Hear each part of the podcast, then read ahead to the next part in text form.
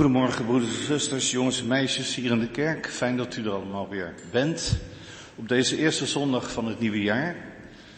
We wensen u en elkaar een gezegend nieuw jaar toe, onder Gods zegen uiteraard.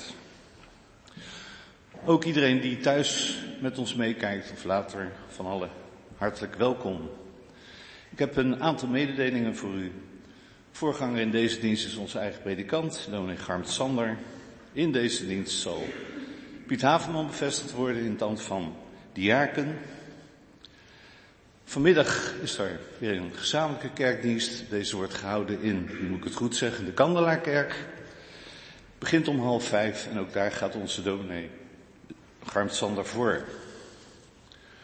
Er zijn twee collecten deze kerkdienst. De eerste is bestemd voor de kerk en de tweede voor het koningskind. Namens de kerkraad wens u een gezegende eredienst toe.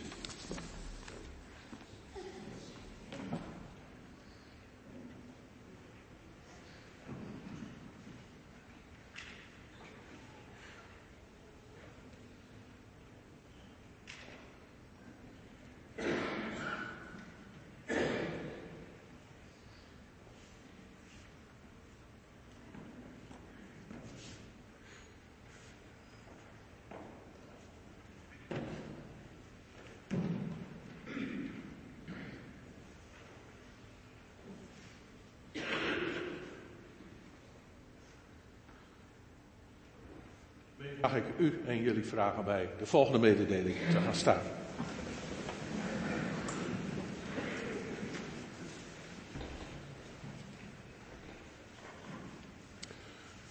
De kerkenraad deelt met ontroering mee dat de Heer op woensdag 3 januari 2024 bij zich geroepen heeft in zijn hemelse heerlijkheid onze zus in het geloof, Aukje Roorda de Jong, in de leeftijd van 85 jaar.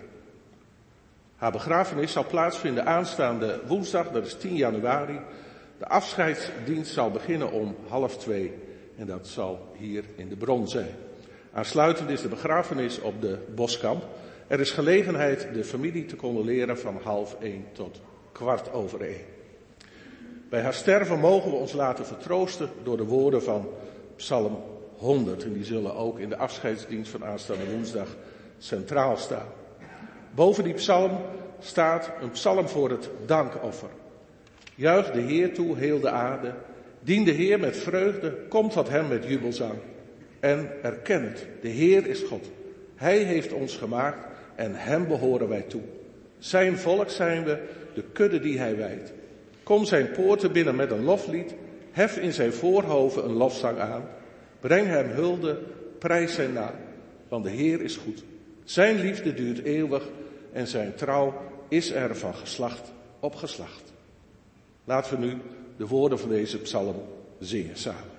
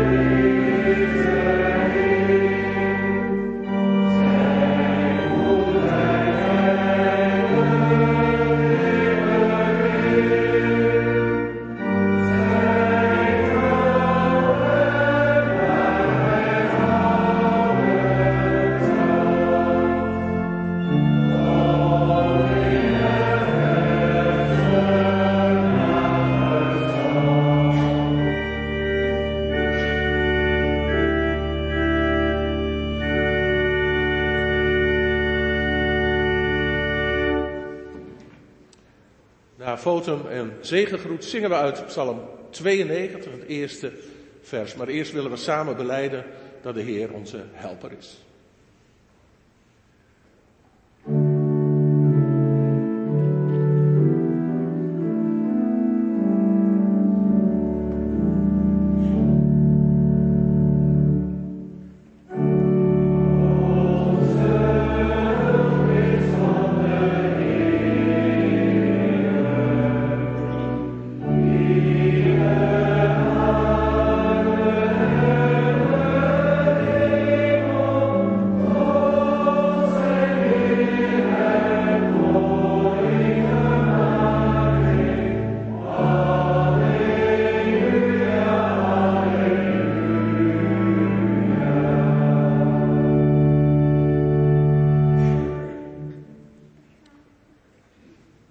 Met elkaar de groet van de Heer.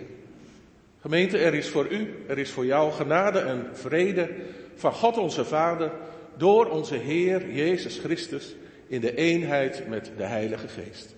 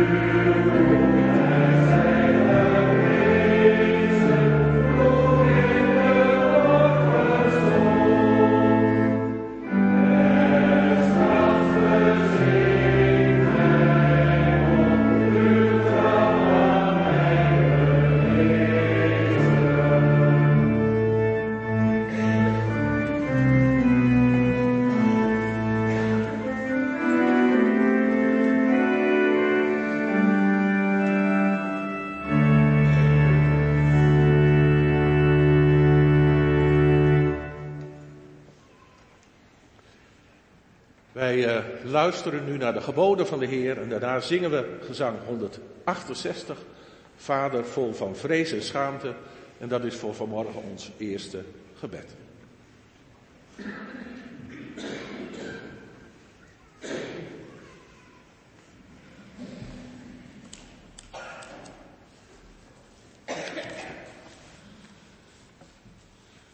Ik lees de tien geboden voor zoals staan in Deuteronomium. Dit zei de Heer. Ik ben de Heer uw God die u uit Egypte, uit de slavernij heeft bevrijd. Vereer naast mij geen andere goden. Maak geen godenbeelden, geen enkele afbeelding van iets dat in de hemel hierboven is, of van iets beneden op de aarde, of in het water onder de aarde. Knieuw er niet voor neer en vereer ze niet, want ik, de Heer uw God, duld geen ontrouw. Als ouders mij haten en zondigen, roep ik hun kinderen daarvoor ter verantwoording, tot in het derde en vierde geslacht. Maar als ze mij lief hebben en doen wat ik gebied, bewijs ik mijn trouw tot in het duizendste geslacht. Misbruik de naam van de Heer, uw God, niet, want wie zijn naam misbruikt, laat hij niet vrij uitgaan. Neem de Sabbat in acht, zoals de Heer, uw God, u heeft geboden. Het is een heilige dag. Zes dagen lang kunt u werken en al uw arbeid verrichten. Maar de zevende dag is de Sabbat, die gewijd is aan de Heer, uw God. Dan mag u niet werken. Dat geldt voor u, Voor uw zonen en dochters, voor uw slaven en slavinnen, voor uw runderen, uw ezels en al uw andere dieren, en ook voor vreemdelingen die bij u in de stad wonen. Want uw slaaf en slavin moeten evengoed rusten als u. Bedenk dat u zelf slaaf was in Egypte, totdat de Heer uw God u met sterke hand en opgeheven arm bevrijdde. Daarom heeft hij u opgedragen de Sabbat te houden. Toon eerbied voor uw vader en uw moeder, zoals de Heer, uw God, u heeft geboden. Dan zult u lang leven en zal het u goed gaan in het land dat de Heer, uw God, u geven zal. Pleeg geen moord, pleeg geen overspel, stil niet, leg over een ander geen vals getuigenis af. Zet uw zinnen niet op de vrouw van een ander en laat evenmin uw oog vallen op zijn huis of op zijn akker, zijn slaaf, zijn slavin, zijn rund of zijn ezel, of wat hem ook maar toebehoort. Samengevat naar Matthäus, heb de Heer uw God lief, met heel uw hart, met heel uw ziel en met heel uw verstand. Dat is het grootste en eerste gebod. Het tweede is eraan gelijk, heb uw naaste lief als uzelf. Deze twee geboden zijn de grondslag van alles wat er in de wet en de profeten staat.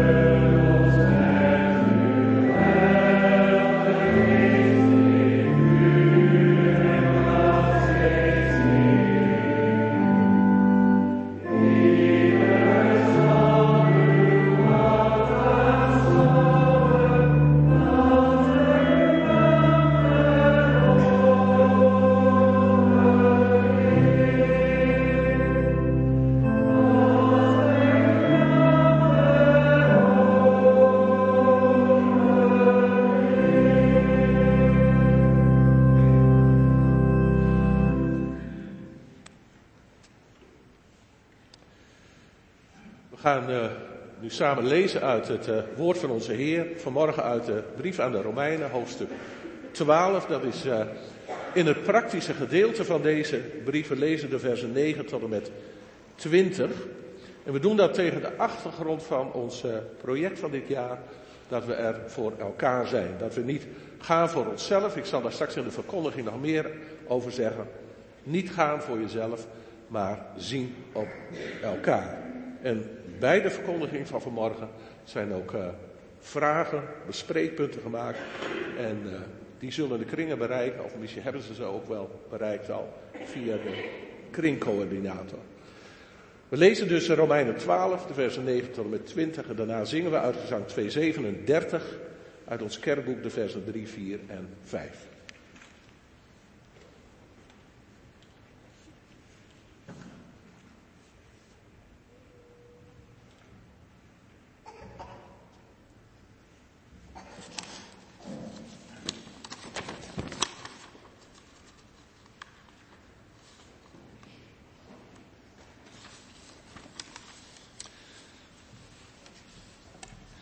Laat uw liefde oprecht zijn, verafschuw het kwaad en wees het goede toegedaan. Heb elkaar lief met de innige liefde van broeders en zusters en acht de ander hoger dan uzelf. Laat uw enthousiasme niet bekoelen, maar laat u aanvuren door de geest en dien de Heer. Wees verheugd door de hoop die u hebt. Wees standvastig wanneer u tegenspoed ondervindt en bid onophoudelijk. Bekommer u om de noden van de heiligen en wees gasvrij. Zegen uw vervolgers, zegen hen, vervloeken niet. Wees blij met wie zich verblijdt. Heb verdriet met wie verdriet heeft. Wees eensgezind, wees niet hoogmoedig, maar zet uzelf aan tot nederigheid. Ga niet af op uw eigen inzicht. Vergeld geen kwaad met kwaad, maar probeer voor alle mensen het goede te doen. Stel, voor zover het in uw macht ligt, alles in het werk om met alle mensen in vrede te leven. Neem geen wraak, geliefde broeders en zusters, maar laat God uw wreker zijn. Want er staat geschreven dat de Heer zegt, het is aan mij om wraak te nemen. Ik zal vergelden. En ergens anders staat, als uw vijand honger heeft, geef hem dan te eten. Als hij dorst heeft, geef hem dan te drinken. Dan stapelt u gloeiende kolen op zijn hoofd. Tot zover Gods woord.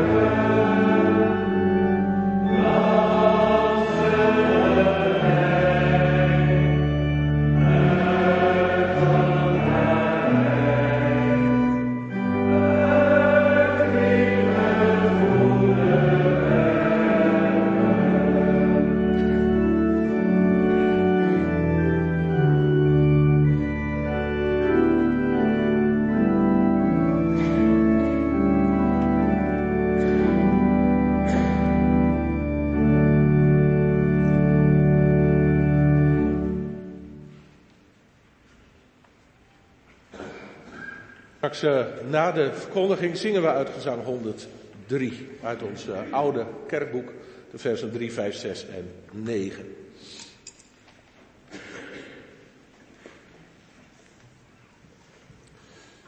Maar gemeente, voordat ik bij de verkondiging uh, kom, eerst het volgende.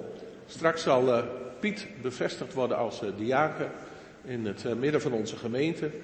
En ik wil, uh, voordat we gaan luisteren naar uh, ja, wat Romeinen 12 ons te zeggen heeft, eerst het onderwijs dat het formulier geeft uh, met u en met jullie doornemen. Waar het gaat over het werk van de diakenen in de gemeente van Christus. Barmhartig zijn voor mensen in nood. Daar gaat het om in het werk van de diaken. En de Heer Jezus Christus is daarin een voorbeeld voor ons geweest. Hij kwam in de wereld om te dienen en ontfermde zich over velen die in nood waren. In navolging van haar Heer zorgde de eerste christelijke gemeente ervoor dat niemand in haar midden gebrek leed. De apostelen deelden uit aan alle mensen die iets nodig hadden. Maar de Heer roept ook nu, ook vandaag, ook in onze omstandigheden op tot gastvrijheid, offervaardigheid, barmhartigheid, om zwakke en hulpbehoevenden volop te laten delen in de blijdschap van de christelijke gemeente. Want niemand mag daar ongetroost blijven in ziekte, eenzaamheid of armoede. Nou, met het oog op deze hulpverlening, dus om er te zijn voor de mensen in nood, heeft de Heer Jezus diakenen aan zijn gemeente gegeven.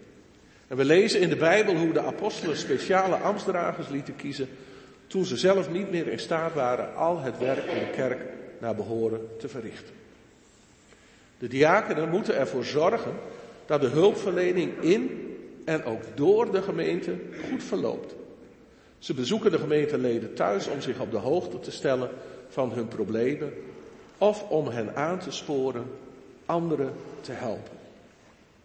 Ze inventariseren de gaven van de gemeente en zetten die in waar dat nodig is. Bovendien zamelen zij de giften uit de gemeente in, beheren die en delen die in de naam van de Heer Jezus uit. Ze bemoedigen hen die de liefdegaven van Christus ontvangen met Gods goede boodschap.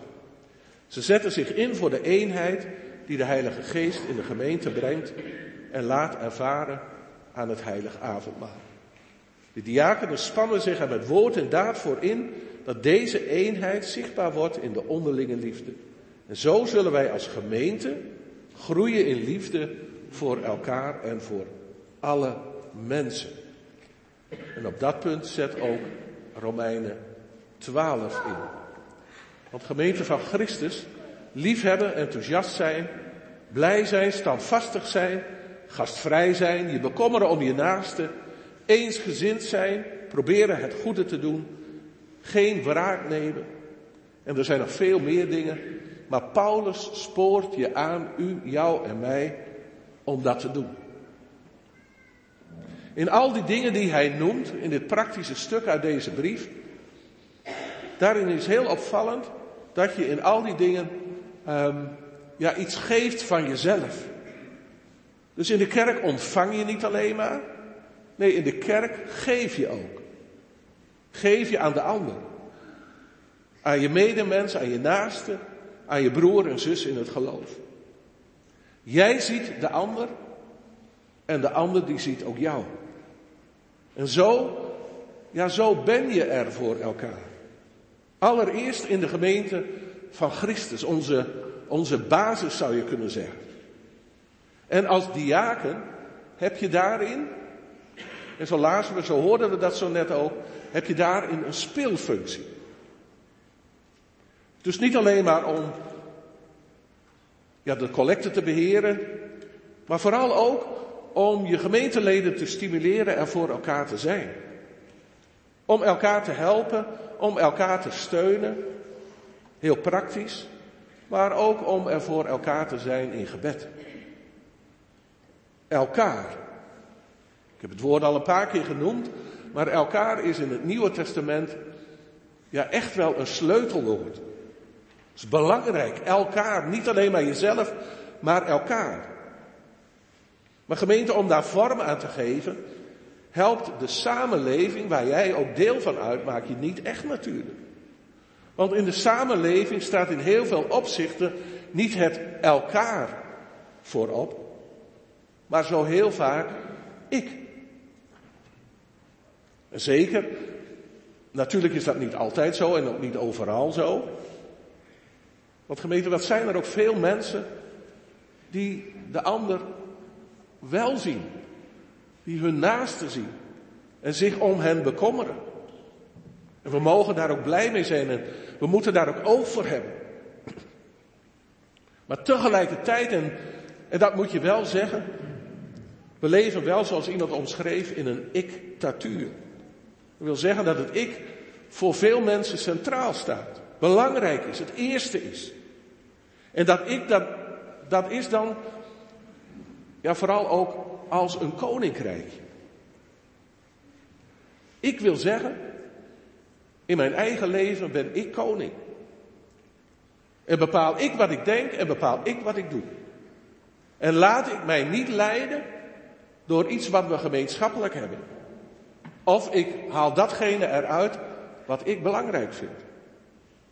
Ik in het maken van mijn eigen individuele keuzes. Ik in het beschikken over mijn eigen leven. Ik die mijn eigen waarheid maak. Ik die graag zoveel groter en zoveel beter en zoveel belangrijker wil zijn dan de ander.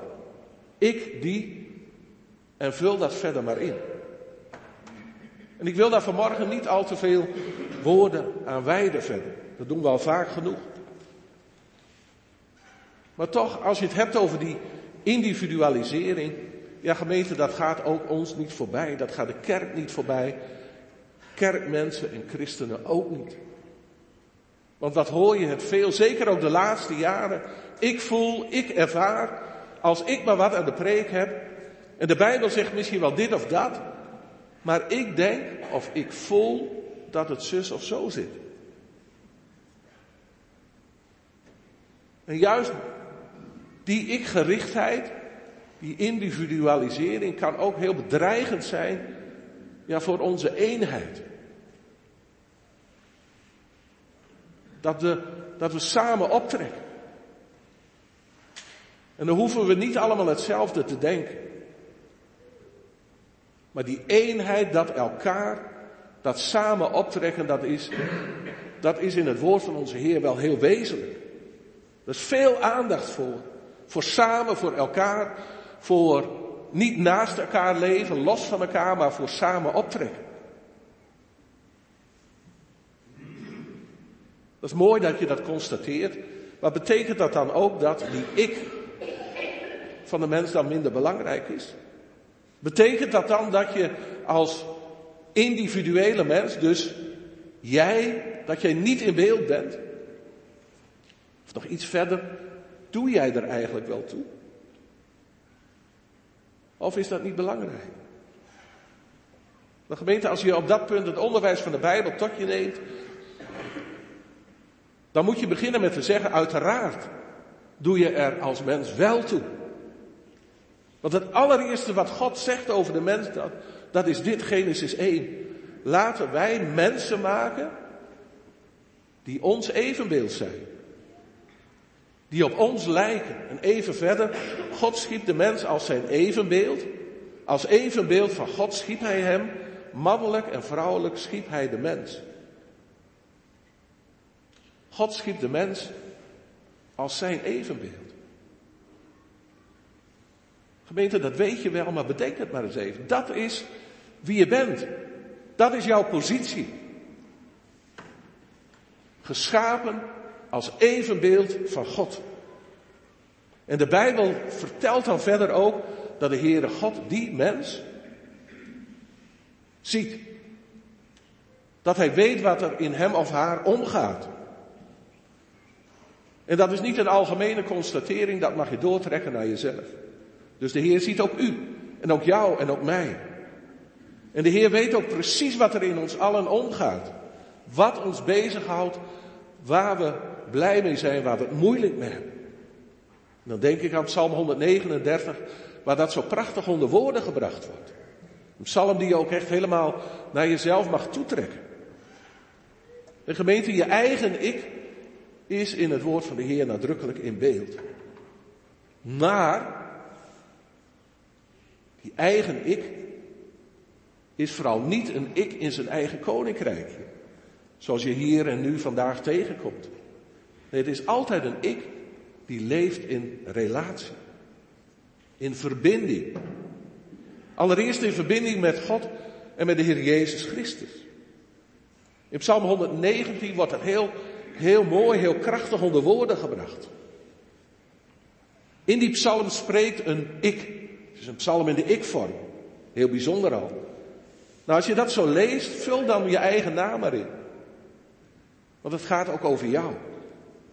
Het gaat daar over een ik, over jezelf dus, die leeft met de Heere God. Die dus in verbinding staat met Hem. Dus je ik leeft in verbinding met God, maar je ik leeft ook in verbinding met de ander. Met je naaste, met je medemens. Met je broer, met je zus in het geloof. Je gemeente op aarde leef je samen. En op aarde ben je ook goed voor elkaar. Het Oude Testament getuigt daar in alle opzichten van. Dat er gezegd wordt, wees alsjeblieft zuinig op je eigen leven, zorg goed voor jezelf, maar bescherm vooral ook het leven van je naaste, van, je, van die ander. En vanwege de zonde van de mens moeten wetten en geboden dat garanderen. In het Nieuwe Testament wordt vaak gefocust op, veel vaker gefocust op, dat je met elkaar de gemeente van de Heer Jezus vormt. En in die gemeente is heel nadrukkelijk plek voor je eigen ik. Voor wie jij bent. Want je bent immers bevrijd in Christus. Dus plek voor je eigen ik, maar je mag de ander niet vergeten, nooit vergeten. En in dat opzicht is het sleutelwoord elkaar. Individuele mensen, met sterke kanten, met zwakke kanten, de Bijbel heeft er oog voor, die vormen met elkaar een gemeenschap, een eenheid. Die mensen hebben door het geloof in de Heere God verbinding met elkaar. Ja, gemeente, zo hebben ook wij verbinding met elkaar. Wij zijn niet een club mensen, losse individuutjes naast elkaar. Nee, wij zijn aan elkaar en met elkaar verbonden. En wij willen samen leven vanuit de verlossing door de Heer Jezus Christus. Want dat is het wat ons samenbrengt en vooral ook samen bindt. Nou, op dat leven te leven met elkaar, geeft Paulus in Romeinen 12 allerlei aanwijzingen en vooral ook aansporingen. En ik lees die aansporingen, ja dan vooral ook als een soort van spiegel voor mezelf. Niet alleen een spiegel voor mij natuurlijk, maar ook een spiegel voor u, voor jou. Een spiegel waar je, waar je als mens in mag kijken, in moet kijken. En Paulus zegt dan in die spiegel Romeinen 12 vanaf vers 9, Paulus zegt dan laat jouw liefde oprecht zijn. Als je dan in de spiegel kijkt, dan, dan weet je van jezelf dat je dat niet altijd bent. En dat je het misschien ook wel eens faked. Paulus zegt laat je enthousiasme niet afkoelen. Maar je merkt aan jezelf dat jij helemaal niet zo enthousiast bent. Maar misschien eerder wel lauw of gezapig, dat je een beetje meehobbelt in de kerk. Paulus spoort je aan, wees eensgezind. Maar we laten zo vaak zien dat we dat nou juist niet zijn. Maar eerder onderling verdeeld. En als je dan zo al die aansporingen doorneemt, dan in feite zegt Paulus tegen je, ja mensen, laat dat masker nou maar vallen. Je hoeft je niet beter voor te doen dan je bent, want je mag je in de Heer Jezus Christus verlost weten. Maar werk er wel aan door de geest om daarin verder te komen. In wat ik je in de naam van de Heer voorhoud. Werk eraan door de geest om te groeien in liefde voor God, in liefde voor elkaar en ook in liefde voor jezelf. En dat is natuurlijk heel prachtig gezegd, maar tegelijkertijd is dat natuurlijk wel de worsteling van je leven. En is dat iedere dag weer een persoonlijk gevecht. Om daarin verder te komen, om daarin te groeien. Over dat gevecht schrijft Paulus trouwens in Romeinen 7. Ook daar gaat het over een ik. Dan gaat het over een ik die heel graag wil leven met de Heer Jezus Christus. En dat ook wil laten zien in zijn leven. Die echt in de Heer Jezus wil zijn. Nauw met Hem verbonden. Levend uit genade en verlangend om dat ook echt te doen. Dat is de ene ik. Maar Paulus zet daar ook een andere ik naast. Want heel vaak zie je zoveel meer van die andere ik. Die zondige ik. Die ik die zo graag koning wil zijn in zijn eigen koninkrijk. Die zo graag zijn eigen gang wil gaan. Die zichzelf zo vaak voorop zet. En zijn eigen denken en doen het belangrijkste vindt. Die het kwade, al wil ik dat niet, zegt Paulus erbij, die dat kwade toch toelaat in zijn leven en het toch doet. En Paulus spreekt dan zijn verlangen uit. Dat niet meer mijn ik, maar dat er meer van God en meer van de Heer Jezus in mij mag groeien. Dat is zijn verlangen. In gemeente kennen wij dat verlangen ook. Meer en meer afscheid nemen van je eigen oude ik. En meer ruimte voor ja, het leven uit Christus. En tegelijkertijd, ja, als je daarnaar verlangt, merk je ook dat, dat, dat die eigen ik, die oude mens, er nog zo heel vaak is. Op dat punt denk ik ook aan de leerlingen van de Heer Jezus. Moet je nagaan. Twaalf mannen die heel dicht bij hem zijn, of wat. Die zijn onderwijs horen, ze drinken zijn woorden in. Er is ruimte om daarop te reflecteren, over na te denken, te laten bezinken. En dan toch, Marcus 7, maken zij enorm grote ruzie onder elkaar over wie van hen de grootste moet zijn in het koninkrijk van de hemel. En je kunt wel nagaan, dat is natuurlijk niet die ander. Nee, dat ben ik zelf natuurlijk. Nou, ook daarin zie je dat weer. Dat ik gerichte, ik belangrijk. En dat is echt, en je moet het thuis maar eens nalezen, dat is echt een issue voor hen. Daar lopen ze mee rond, vinden ze belangrijk. Maar gemeente, in het koninkrijk van God gaat het niet om jouw plek uiteindelijk. Niet of jij een prominente plek inneemt. Gaat het niet om jouw prestige. Maar gaat het om de Heer Jezus Christus. Heeft Hij een prominente plek ingenomen in jouw leven? En dat is dan ook zo mooi in, in Romeinen 7. In die worsteling die hij omschrijft en wat we heel erg herkennen, komt uh, Paulus dan tenslotte uit bij de Heer Jezus Christus zelf. Vers 23 van Romeinen 7. De Heer Jezus, of God die ons redt door Jezus Christus onze Heer. En ons leven dus weer op het juiste, het goede spoor zet. Want de redding, dat is niet alleen maar dat je verlost bent van je zon. Dat ook wel natuurlijk. Maar redding is meer. Redding, dat ontvak je leven. Want redding is ook het nieuwe leven dat je van de Heere God ontvangt. Het nieuwe leven waar de Bijbel over spreekt en vooral ook waar de Bijbel over zegt dat je daar als zondig mens ook verder in mag groeien. En dan ben ik opnieuw bij Romeinen 12. Paulus die geeft een heel aantal praktische aanwijzingen en vooral aansporingen.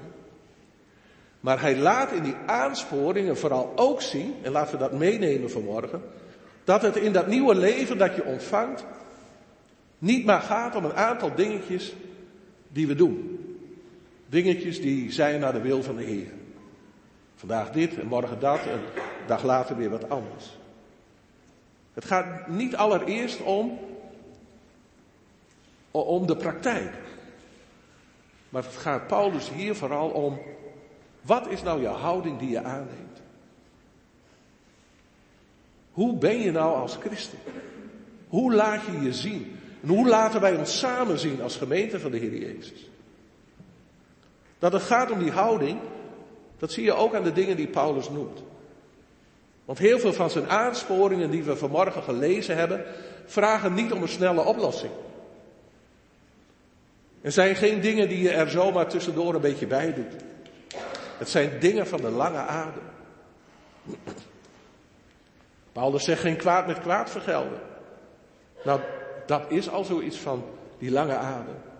Paulus zegt, wees eensgezind. Nou, dat doe je ook niet even tussendoor.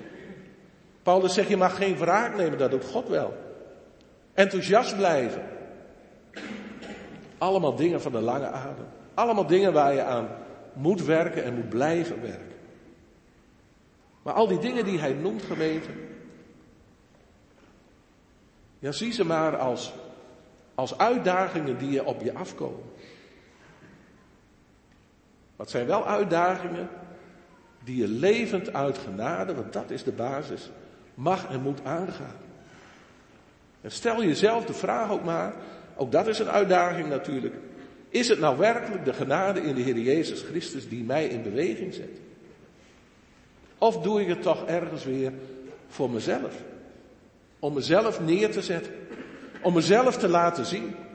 Om gestreeld te zijn als je een complimentje krijgt. Hoe laat jij je zien? En hoe neem je van daaruit ook je plek in de gemeente in, in, de gemeente van Christus? Durven wij met elkaar, levend uit genade, ook echt werkelijk een gemeenschap te zijn? In verbondenheid met elkaar. Waar het ik van ons allen niet ondersneeuwt, maar waar ook het elkaar echt uit de verf komt. En zijn we daarin ook een getuigenis voor de wereld? En willen we dat ook? En gemeente, zo alles wat op je, op je afkomt, die uitdaging die, die Paulus hier noemt. En ook dat elkaar, om dat vorm te geven. Ja, daarvan weten we ook dat dat voor ons altijd een worsteling zal zijn. Een continu gevecht. En dan is het mooi dat Paulus het in deze brief heel vaak heeft over het werk van God de Heilige Geest. En over de kracht van de Heilige Geest. Alsof hij daarmee wil zeggen van ja, je bent verlost door Christus. En dat leven, dat mag je aangaan. Maar weet ook dat je de kracht van de Heilige Geest heel hard nodig hebt. Om zelf, als wie jij bent, maar ook samen op te trekken naar Gods koninkrijk. Alsof Paulus wil zeggen, mensen, in eigen kracht red je het beslist niet.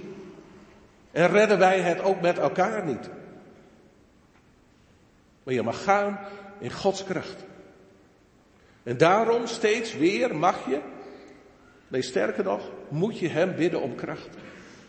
Moet je Hem bidden om wijsheid, om inzicht, om oog voor je naaste, om oog hebben, te hebben voor je broer en zus in het geloof.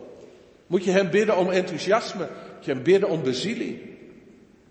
Omdat je groeit in je leven als christen. En vooral ook dat Gods genade in Christus steeds groter in jou wordt. In jou persoonlijk.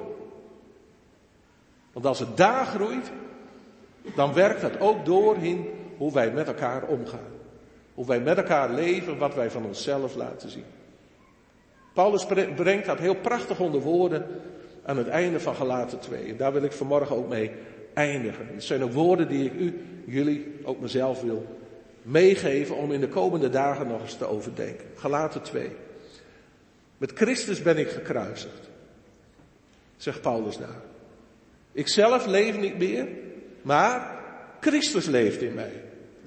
En dan komt het, ik vind dat zulke mooie woorden. Mijn leven hier op aarde leef ik in het geloof in de Zoon van God. Die mij heeft liefgehad en zich voor mij heeft prijsgegeven. Gemeente, groei in Hem door het geloof. Dat bid ik u en dat bid ik jullie toe. En daar bid ik ook zelf om. Amen.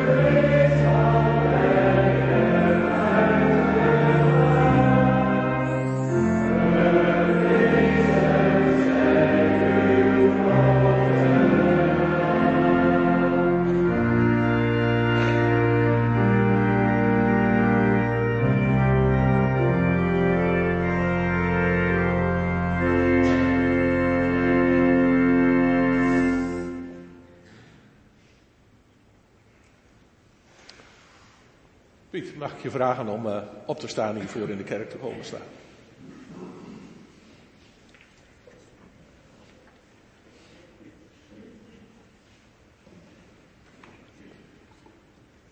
Piet, geliefde broer in Christus, je staat uh, nu klaar om je ambt als diaken op je te nemen. En ik uh, verzoek je de volgende vragen te beantwoorden voor het aangezicht van de Heer en voor zijn gemeente. Geloof je dat God zelf je door zijn gemeente tot dit ambt geroepen heeft? Beloof je je ambt trouw te vervullen, de gemeente te dienen en lief te hebben en in heel je leven te laten blijken dat je ontzag hebt voor God? Beloof je in je ambtsdienst je te houden aan de leer van de Bijbel zoals die beschreven is in de beleidenisgeschriften van de kerk? Beloof je vertrouwelijk om te gaan met wat in vertrouwen aan jou als ambtsdrager wordt verteld. En tenslotte, beloof je je te schikken onder het kerkelijk toezicht op je ambtsdienst. Piet Haverman, wat is daarop jouw antwoord? Mogen onze Almachtige God en Vader jou geven dat je deze dienst trouw en met vrucht zult vervullen. Amen. Gemeente, laten we onze broer Piet nu samenstaande toezingen de woorden van Psalm 134, tweede vers uit de nieuwe psalmbereiding.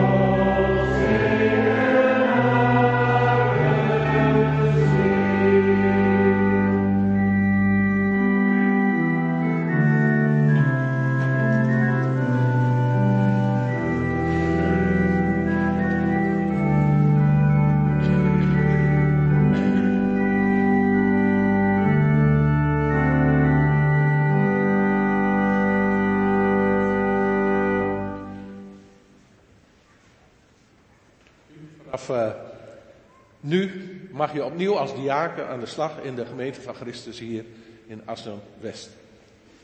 Het is niet de eerste keer voor je, dus het werk is je al een, uh, ja, behoorlijk vertrouwd, denk ik. Maar ik wil je bij alles wat daarin op je afkomt, je namens ons allen van harte de zegen van de Heer, onze God, toewensen. En weet je in alle dingen altijd sterk in zijn kracht. En graag wil ik je ook bij het begin van jouw ambtsdienst een persoonlijke tekst mee te geven. Als bemoediging, ook ter inspiratie, kracht uit te putten. En uh, ik hoop het om nog eens over na te denken. Ik geef je woorden mee van Paulus uit zijn brief aan de kerk in, in Filippi. Waar hij zegt, en dat wil ik je meegeven, wees over niks bezorgd. Maar vraag in alle omstandigheden aan God wat je nodig hebt. En dank hem altijd in je gebeden. Dat wens ik je toe. Dat bid ik je toe.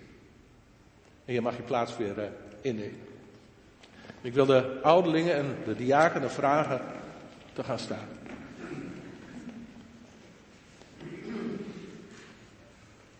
Broeders, ouderlingen, bestuur de gemeente met toewijding samen met de predikant.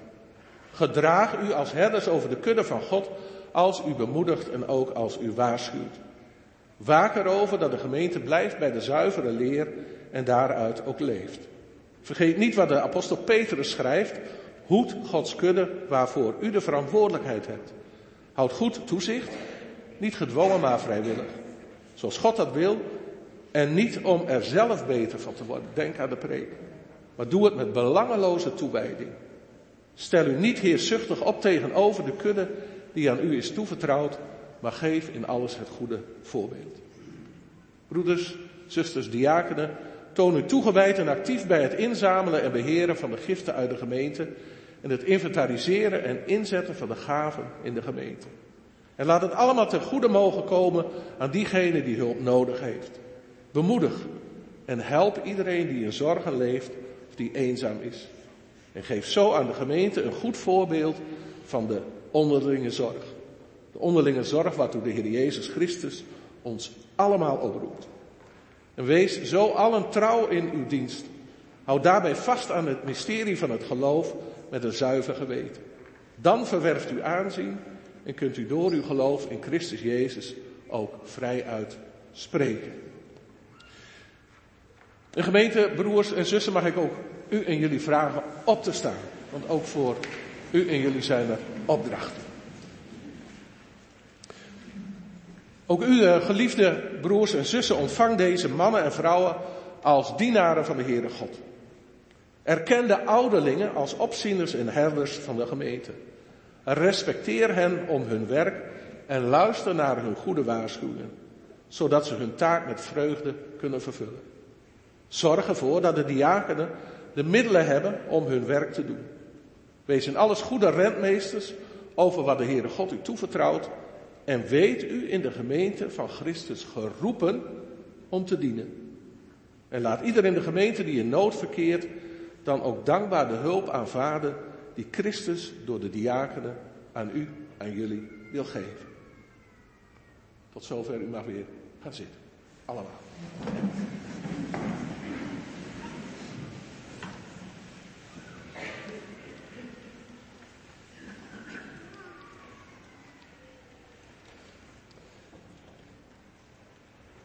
Laten wij tenslotte nog samen danken en bidden. Heer onze God, onze Vader in de hemel.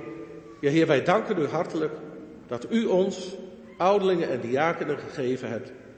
Die met uw Heilige Geest vervuld zijn om uw gemeente op te bouwen.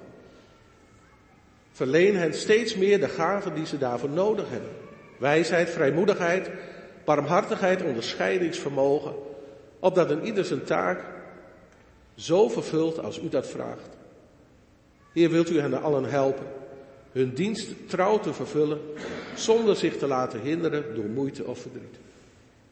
Maar Heer, zegen ook ons, als uw gemeente hier in Assen-West, waarover zij zijn aangesteld. Laat ieder van ons zich aan de goede waarschuwingen van de ouderlingen onderwerpen en hen eren om hun ambt. Ja, Heer, help ons elkaar echt lief te hebben. En zorg ervoor dat wij de diakenen met blijdschap alles geven wat zij nodig hebben om de hulp die ze willen verlenen ook werkelijk te kunnen geven. Heer, wij bidden u, rust ons door de inzet van deze ambtsdragers toe voor het werk in uw dienst. Zodat wij als gemeente opgebouwd worden.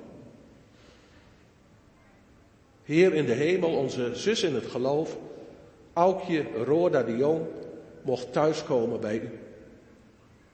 Ja, ze mocht haar hemelse woning betrekken.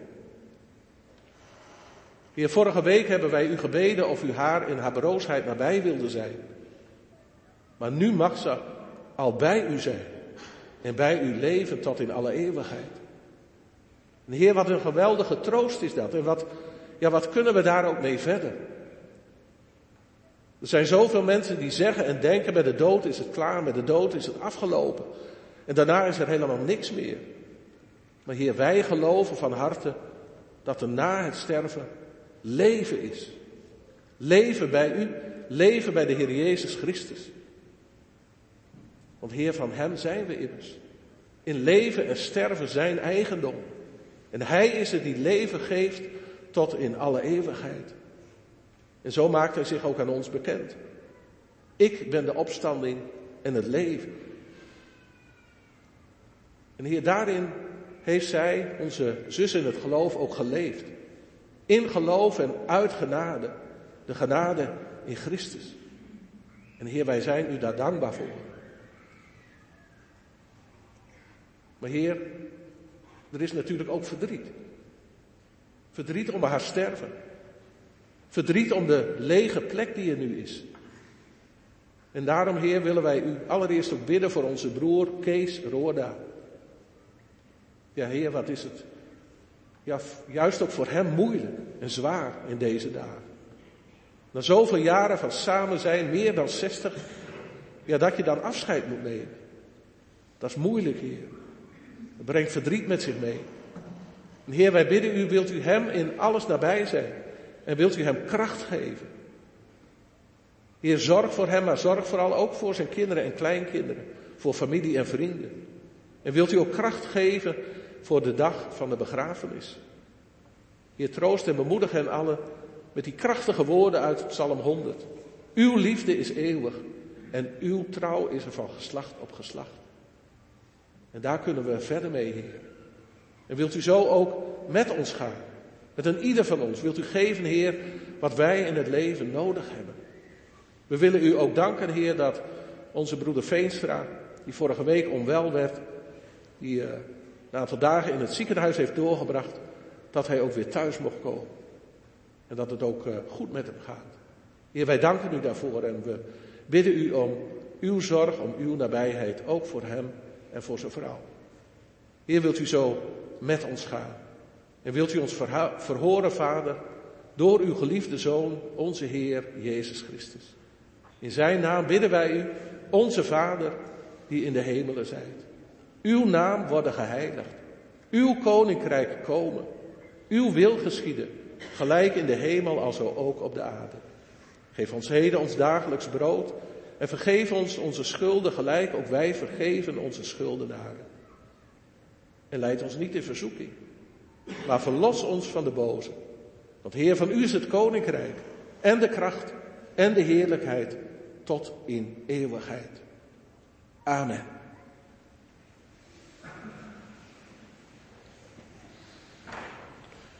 Gemeente, zometeen uh, na de dienst is er uh, ruimte, gelegenheid om uh, Piet te feliciteren.